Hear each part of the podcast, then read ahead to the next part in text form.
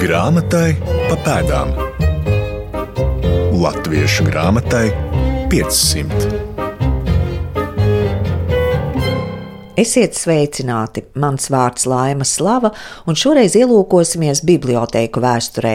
Uzzināsim, kādas pārmaiņas 19. gadsimtā skāra grāmatu krātuvis. Pētīsim privātās un sabiedriskās bibliotēkas. Pakavēsimies pie pirmās latviešu pašu organizētās bibliotēkas ēdolē. Mūsu uzmanības lokā būs arī kāda īpaša grāmata, proti Krišjāņa Valdemāra pirmā sastādītā grāmata 300 stāsti un tikšos ar divām ļoti zinošām grāmatniecības vēstures pētniecēm - Latvijas Nacionālās bibliotēkas Letonikas un Baltijas centra vadītāju Kristīnu Zaļumu un pētniecības un interpretācijas centra vadošo pētnieci Janu Dreimani. Grāmatai pa pēdām. Pirmais stāsts - privātās un sabiedriskās bibliotēkas. Grāmatniecības vēstures pētījumos esam 19. gadsimta pirmajā pusē. Skaidrosim, kā mainās un kas turpinās bibliotēku attīstībā. Kristīna Zaļuma atgādina, ka jau 18. gadsimta beigas iezīmē bibliotēku uzplaukumu. Privātās bibliotekas turpina savu saka, uzvaras gājienu, papildinot savus krājumus, bet vairāk uz eh, skatuves uznāk tieši sabiedriskās bibliotekas un eh, jau 19. gadsimta otrā pusē pusē, 70. gados arī publiskās bibliotekas. Varbūt eh, tā skaidrība, kas ir sabiedriska biblioteka, tā ir būtībā arī publisks bibliotekas eh, veids, bet uh, tur ir ierobežots apmeklējums. Ne visi varēja apmeklēt, piemēram, biedrību bibliotekas, tur bija īpaši jāpiesakās un, un īpaši jā, atļaus jāsaņem, lai varētu iegūt iespēju apmeklēt šādas bibliotekas. Tāpēc ir tāds dalījums mazliet vēl vairāk. Bet būtībā tā ir jā, privātās un publiskās bibliotekas uzvaras gājiens. Jo grāmata kļūst daudz populārāka, daudz pieejamāka ar to, ka beidzās rokspiedas laikmets arī un pamazām to nomaina um, mašīnas. Un grāmata arvien vairāk kļūst pieejama cilvēkiem. Es arī lasīju par to, ka arī mācītāji mūžās un vēl citu vietu bibliotekas kļūst pieejamas. Jā, tas ir gadsimta vidus, bet jāsaka tā, ka man par lielu pārsteigumu man arī kādreiz likās, ka mācītāji tā no brīva prāta un labi domājot, ir veidojuši šīs bibliotekas, bet es atradu tādu dokumentu arhīvā, kur ir teikts, ka mācītājiem jāatskaitās ir apgaismības ministrijai par to, vai ir ierīkota biblioteka, cik tur ir grāmatas un vai zemnieki lasa. Tas nevienmēr bija filantropijas kaut kāds uzplūds, bet tas bija vienkārši bija jābūt tai bibliotekai. Mācītāji mūžā draudzē, pat baznīcās bija. Nu, baznīcās daudz agrāk, bet pēc tam jau draudzēs mācītāji mūžās tā bija ierasta lieta, ka ir mācītājiem pašam privāta biblioteka un arī draudzē ir sava biblioteka, par kuru atbild mācītājs. Visbiežāk viņš arī pildīja bibliotekāra pienākumus. Tā kā ļoti interesants arī šis ir aspekts mūsu vēsturē un ļoti dažādi tas izpaužās eh, Latvijā. Pilnīgi savādāk, un atkal vidzemē, un atkal mazliet savādāk kurzemē. Tas ir ļoti liels, skaists biblioteka uzplaukuma laiks, tieši tas, ka latvieši ar vien vairāk sāk lasīt paši un interesēties par literatūru. Jā, es arī domāju par to izsniegšanu un atgriešanu, kā tas funkcionēja. Šī tā ir bibliotekas tā pamata. Nu, tur bija dažādi noteikumi, un, ziniet, tomēr atšķirās gadsimta sākums un paradumi, gadsimta vidus un pēc tam jau gadsimta beigas. Tad jau viss ir spēcīgāki, zinošāki, ko kā klasificēt un kā dabūt atpakaļ. Un es esmu lasījis privātās bibliotekās, piemēram, tā paša Bīriņu mūžas pilsētas saimnieka Augusta Friedricha von Pistolkorsa norādījums, kā ir jā, jāuzvedās bibliotekā. Un viņš gribēja piespiest kādu no dzimtas eh, meitenēm vai puišiem, kurš uzņemtos bibliotekāra eh, misiju, bet tā laikam tāpēc norakstiem var saprast, ka īsti neatrada, eh, kurš uzņemtos šo rūpi, bet nu, viņš bija noteicis, ka ir jānoliek atpakaļ tajā skapī, kur tu esi paņēmis ar tādu numuru, numuru secībā. Un ir ļoti jāuzmanās, ka, ja grāmata neatliek atpakaļ, tad tā ir pazudusi. To mēs visi zinām jau, ja? bet tas arī privātās bibliotekās noteikumos bija rakstīts. Kristīna Zaļuma pētījusi mūžu bibliotēkas. 2023. gadā klajā nāca vēsturnieces monogrāfija Vidzemes mūžas un to bibliotēkas. Apkopotas ziņas, dokumenti un attēli par mūža bibliotēku lomu Latvijas kultūras attīstībā trīs gadsimtu periodā. Kādas pārmaiņas notika 19. gadsimtā, skaidrosim šoreiz. Tie, kas varēja, tie algoja bibliotekārus, bija profesionāli bibliotekāri algoti. Katalogus rakstīja ar roku vai arī kartītēs. Un ir arī bijuši tādi gadījumi, kad vienu katalogu, piemēram, no senākiem laikiem, bibliotekārs izjauca, domājot, ka viņš tagad jaunāku veidos, jo ir daudz vairāk pienācis klāt un pats nomirst. Un nav ne vecais, ne jaunais katalogs. Arī tādi gadījumi ir bijuši. Un, jā, kataloga tā ir burvīga tāda avotu grupa, kas šarmē jebkuru pētnieku, jo tu saproti, ar ko ikdienā cilvēka prāts bija aizņemts. Tas ir ļoti interesanti. Un izmaiņas ir tādas, ja īriņa mūžā 18.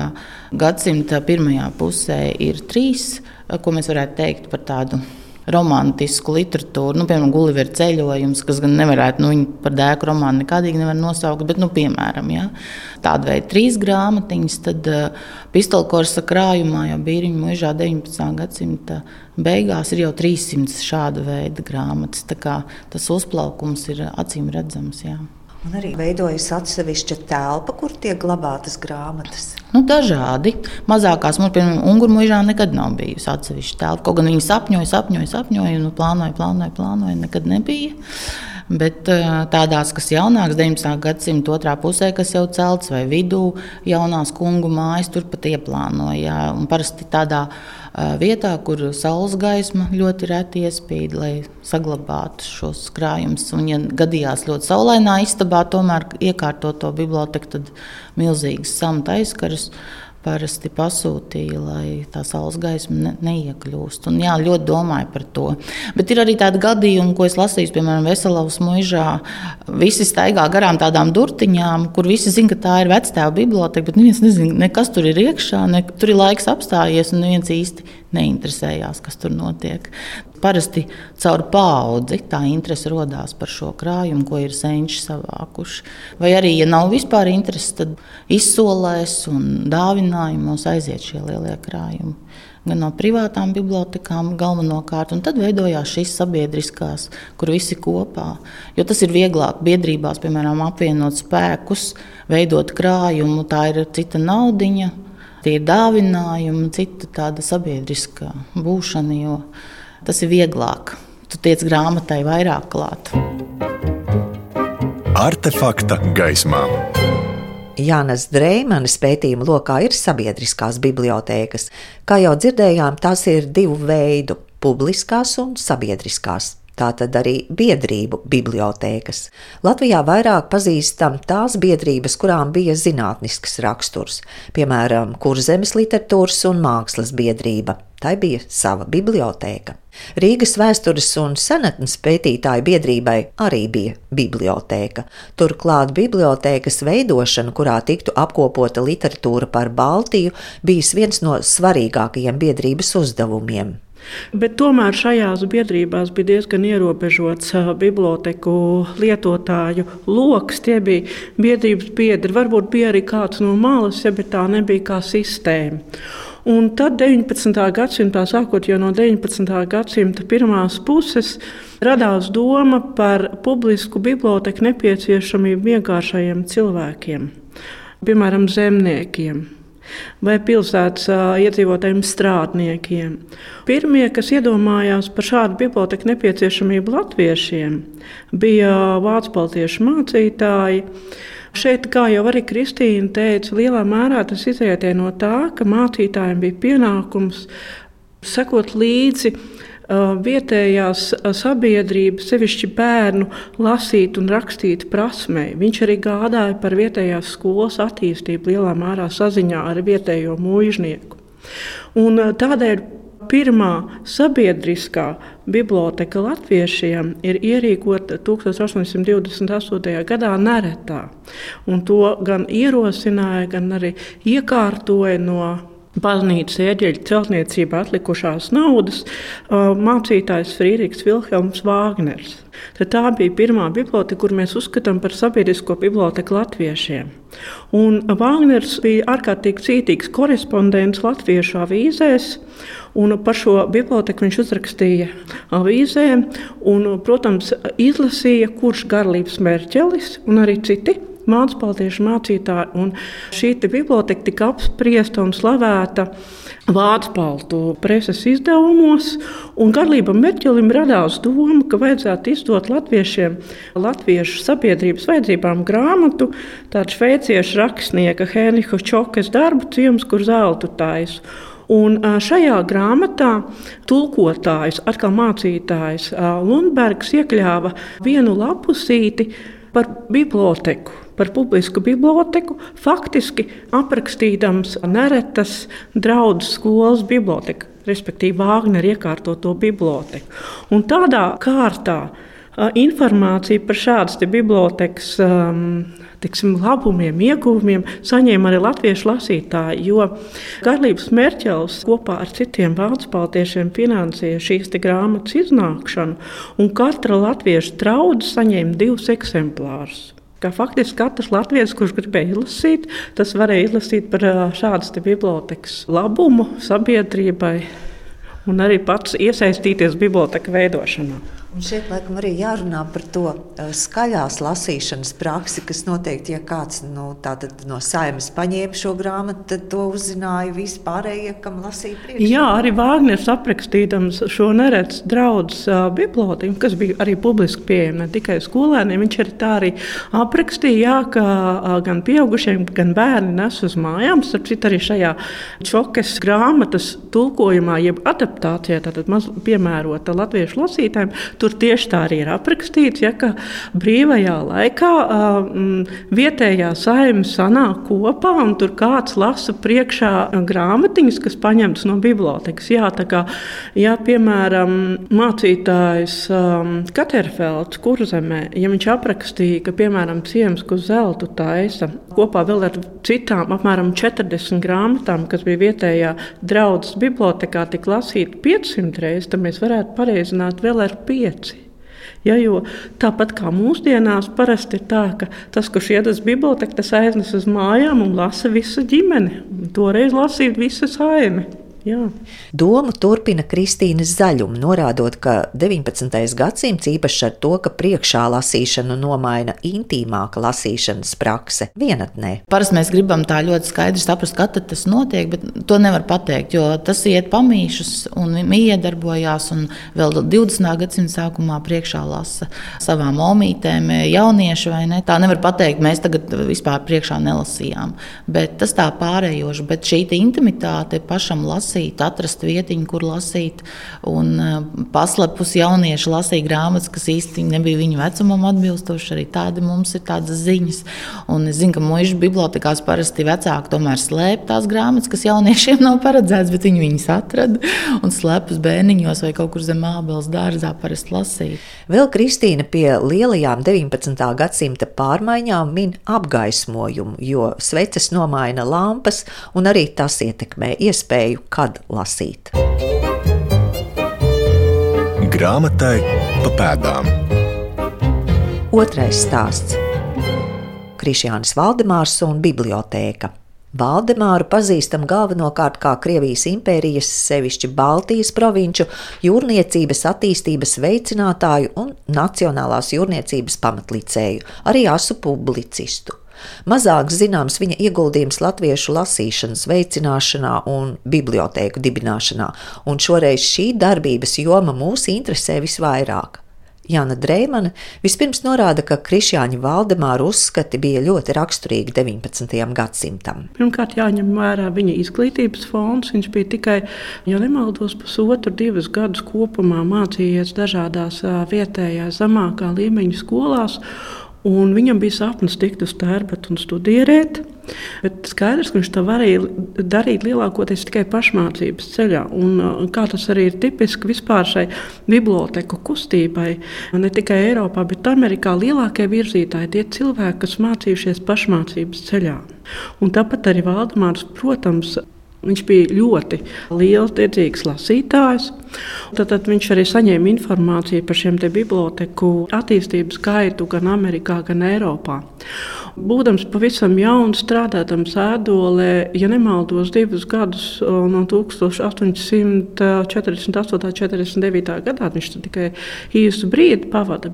Kopā ar saviem dažiem domu biedriem viņi nodibina Baltijas jūras izsmelšanas biedrību kurai bija pirmām kārtām izklaidējošs mērķi, jo biedrības biedri sapulcējās uz tādas saliņas ēdolē, iedzēra alu, apsprieda dzīvi, protams, pārnēja lasītu, un Krišāns Valdemārs ierosināja izveidot biblioteku. Tolēk nebija nekāda tāda valsts atbalsta. Visu biblioteku attīstību, ja tā nebija pašvaldības pilsētas biblioteka, tad tā veidojās no ziedojumiem. Un arī šai Valdemāra rosinātajai bibliotekai pamats tika veidots no ziedojumiem. Jādomā, tika ziedot naudu, un pēc tam Krišāns Valdemārs pats būs iegādājies grāmatas. Un um, viņš panāca atļauju ierīkot biblioteku mm, vietējā baznīcā, baznīcas ģērbkambarī. Tur arī ir ģērbkambara skapi. Jādomā, ka grāmatu izsniedzējs bijis viņš pats vismaz pirmajā gadā.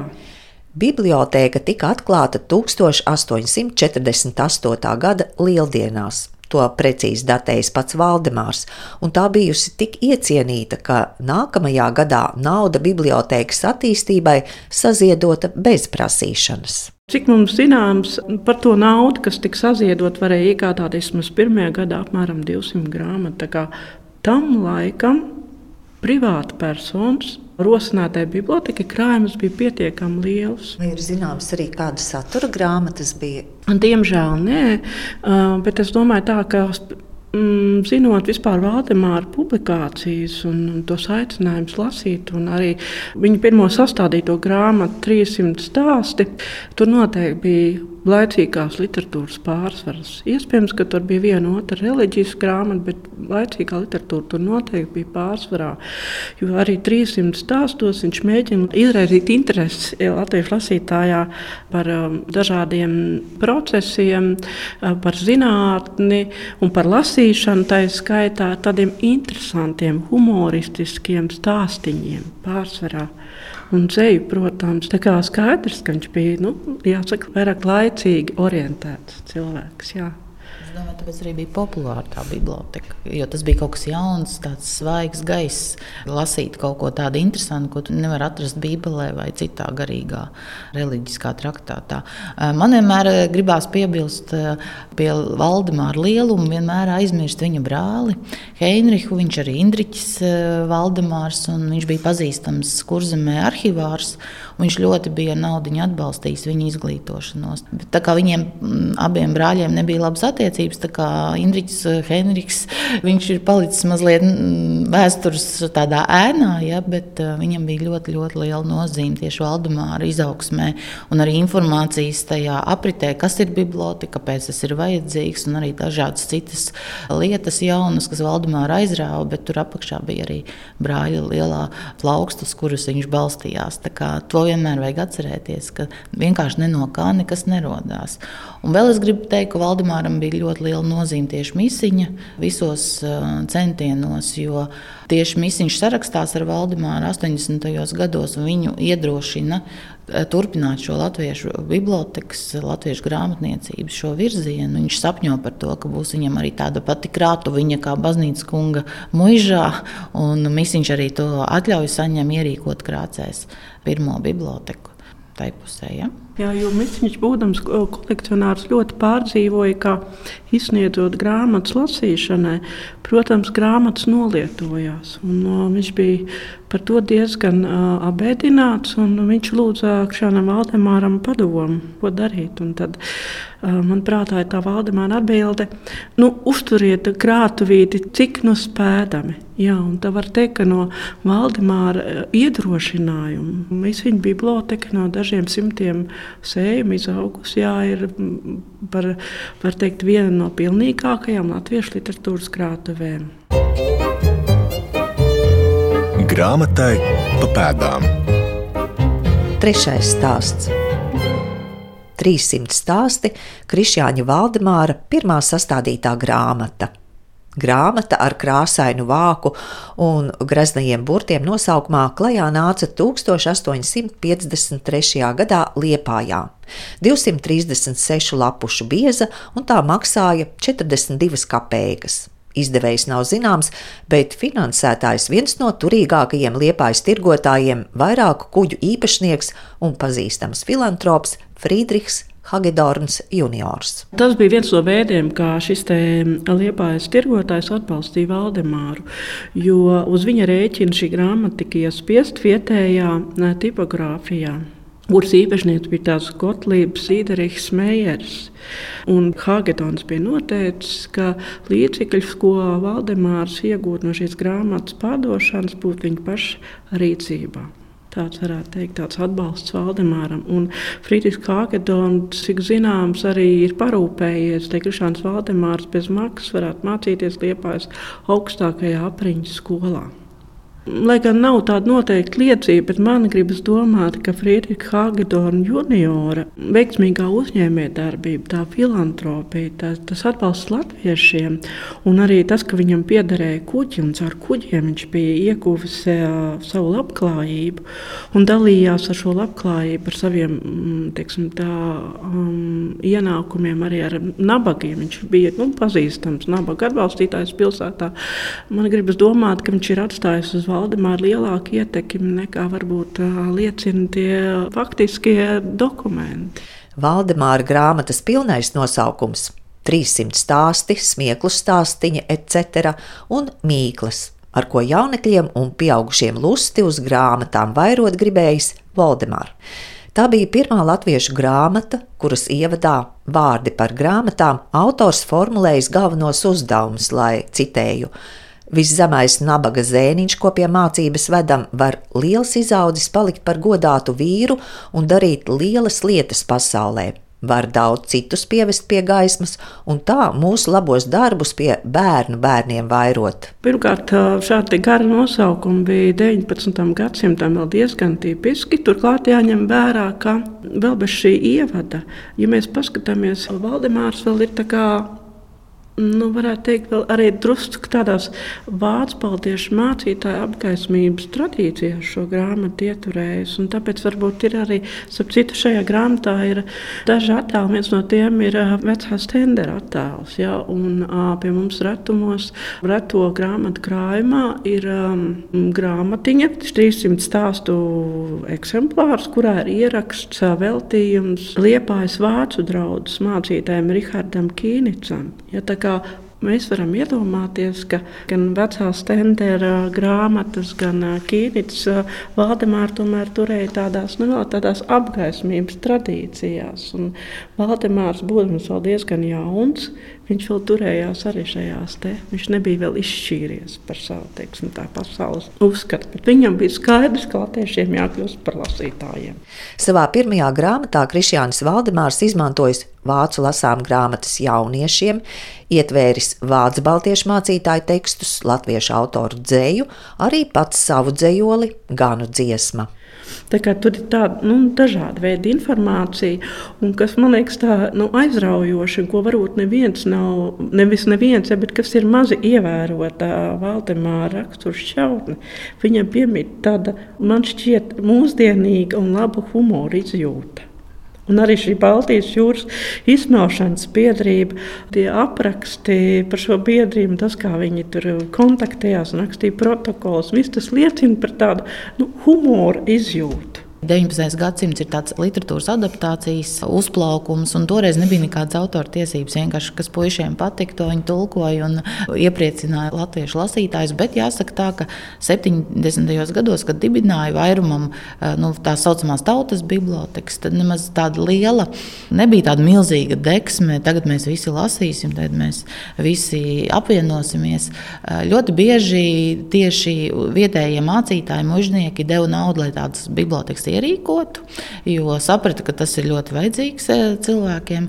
Un bieži vien, tad, kad šis filantrops nomira, tas, kas uzturēja finansējumu šo vietu, un pat bibliotekāri dažkārt no mūžas izrakstīja kādu galpotāju, tad bieži vien tie skāpji aizvilkās ar tīmekļiem un grāmatas pazuda nezināmā virzienā. Tā kā arī tādi dažādi gadījumi bija. Bet latviešiem ļoti patika lasīt kalendārus. Kalendārs bija numurs viens lasītākais, kas eh, no iznāk uz skatuves eh, no tādiem izdevumiem. Un, protams, avīzes. Es domāju, tā, ka tā varbūt ne tik ļoti dedzīgā mīlestība uz bibliotekām, ko varbūt sludināja Valdemārs bija saistīta arī ar to, ka 19. gadsimtā skatoties to, kā vienkāršā tauta mācījās lasīt un rakstīt, un sāka arvien vairāk arī lasīt, radās tādas diskusijas par to, vai vienkāršiem cilvēkiem lasīt visu, ko viņš vēlas, ir labi. Un, starp citu, Valdemārs aizbraucot uz Liepāju, pārņemts ar šīs ēdolas bibliotekas panākumiem, bija ierosinājis Friedrikam Hārgedornam junioram izveidot, finansēt kurzemes latviešu biblioteku tīklu. Hāgetons ir saka, pirmajā karstumā piekritis, bet pēc tam pārdomājis. Un Krišāns Valdemārs saka, ka tas bija tādēļ, ka gudri vīri bija Hāgetonu pārliecinājuši, ka latvietim daudz lasīt nemaz nav tik labi. Un tā tajā laikā, 19. gadsimta vidū, bija šīs diskusijas par to, vai latviešiem lasīt būtu labi. Grāmatu izvēle bibliotekās nebija liela. Ne katra grāmata, kas iznāca latviešu valodā, nonāca bibliotekās. To ietekmēja arī stingrā cenzūra Krievijas impērijā. Jāna Dreimane min veidu, kā nabadzīgo lasītāju turēt uzraudzībā. Galvenais vadošais biblioteku veids 19. gadsimtā tā sauktās lasām bibliotekas. Tās ir bibliotekas, kur lasītājiem bija jāmaksā noteikta nauda, vai nu iestājoties par kādu abonementu vai par uh, konkrētas lasāmīlas saņemšanu uz mājām. Bet uh, tādas uh, bibliotekas tika veidotas gan mācu publikai, gan arī vēlākos gados 19. gadsimta otrā pusē latviešu publikai, piemēram, Henriks. Rīgas Alunāns Jālgavā tāda veido, vēl Klāvs Ukstiņš Liepājā. Un lasām bibliotekām bija atļauts lielāks grāmatu spektrs. Un tas viss bija ar nolūku tāpēc, lai visnabadzīgāko lasītāju tomēr turētu tādā nu, tādā kā uzraudzībā, pāraudzībā, lai viņš gluži nelasītu pilnīgi visu, kas ir pieejams vai kas ir iznācis. Izpētes augsta. 2020. gadā Latvijas Nacionālajā bibliotekā tika sarīkota plaša izstāde neredzamā bibliotēka. Tajā bija iespēja ikvienam paviesoties 18. un 19. gadsimta sabiedrisko un privāto bibliotēku vēsturisko interjeru rekonstrukcijās, atklāt kolekciju unikalitāti un uzzināt par cilvēkiem, kas tās veidojuši.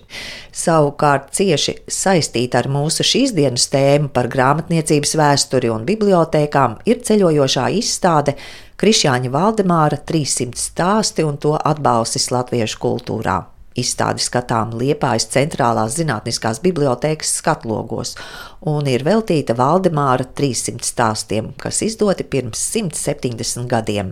Jāna Dreimana ir viena no izstādes veidotājām.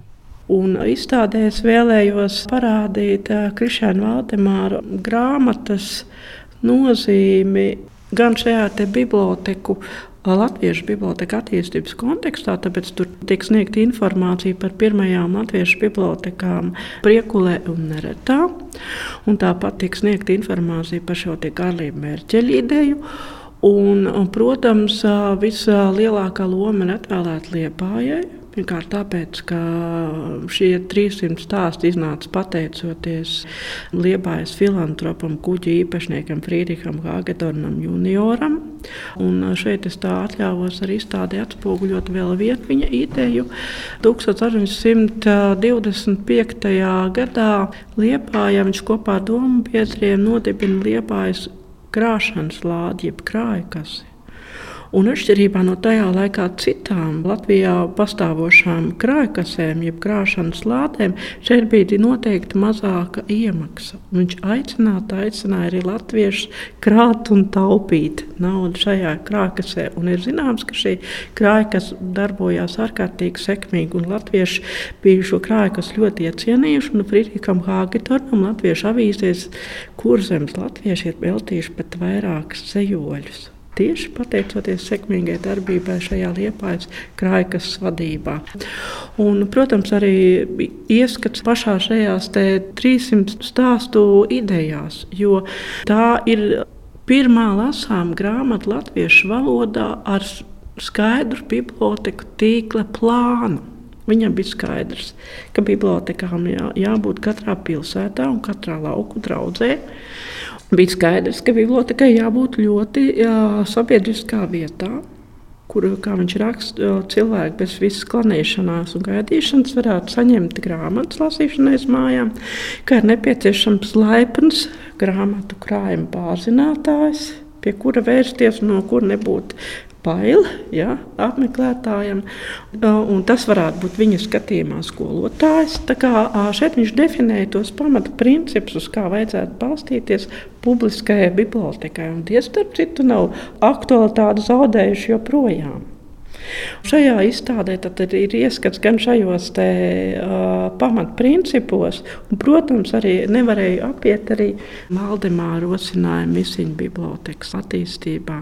Kad izstādes ekspozīcijas laiks Liepājā būs beidzies, Jana Dreimane aicina pieteikties citām bibliotekām uz šo izstādi, jo pavisam drīz, 2025. gadā, svinēsim Krišjāņa Valdemāra 200. jubileju grāmatai pa pēdām. Šoreiz ielūkojāmies 19. gadsimta privātajās un sabiedriskajās bibliotēkās. Šķirstījām arī Krišāņa Valdemāra lasām grāmatu 300 stāsti, domātu lasīšanas veicināšanai. Paldies, saku Latvijas Nacionālās bibliotēkas pētniecēm Janai Drēmanai un Kristīnai Zaļumai. Nobeigumam Kristīnas Zaļumas atziņa un vēlējums. Mēs nedrīkstam būt naivi un domāt, ka eh, visi ņems vecā drukā, lasīs grāmatas vai latīņu valodā, vai liels foliants ņems no 16. gadsimta un studēs ļoti ārkārtīgi skrupulozi. Tie ir retums, ja mūsdienu cilvēks. Tātad mūsu uzdevums, arī bibliotekas, arī sabiedrības un arī kultūra vietu eh, uzdevums ir stāstīt šos stāstus, kas saistās gan ar grāmatām, gan ar izdevējiem, gan ar vietām, kur tie ir dzimuši šie cilvēki, kas ap viņiem vijās. Visi šie stāsti stāsti. Tas ir tas mūsu uzdevums, ejot uz 2025. gadu un runājot par grāmatu. Šie ir tie galvenie uzdevumi, stāstus stāstīt. Viens stāsts par bibliotekām izskanējis, un to radioskanējumam sagatavoja Nora Mitspapa, Santa Lauga un Laima Slava, raidījuma padomdevējs Latvijas Nacionālā bibliotēka. Nākamajā reizē interesēsimies par pirmo praktiska satura grāmatu latgaliski, kas veltīta biškopībai. Grāmatai pa pēdām Latviešu grāmatai 500.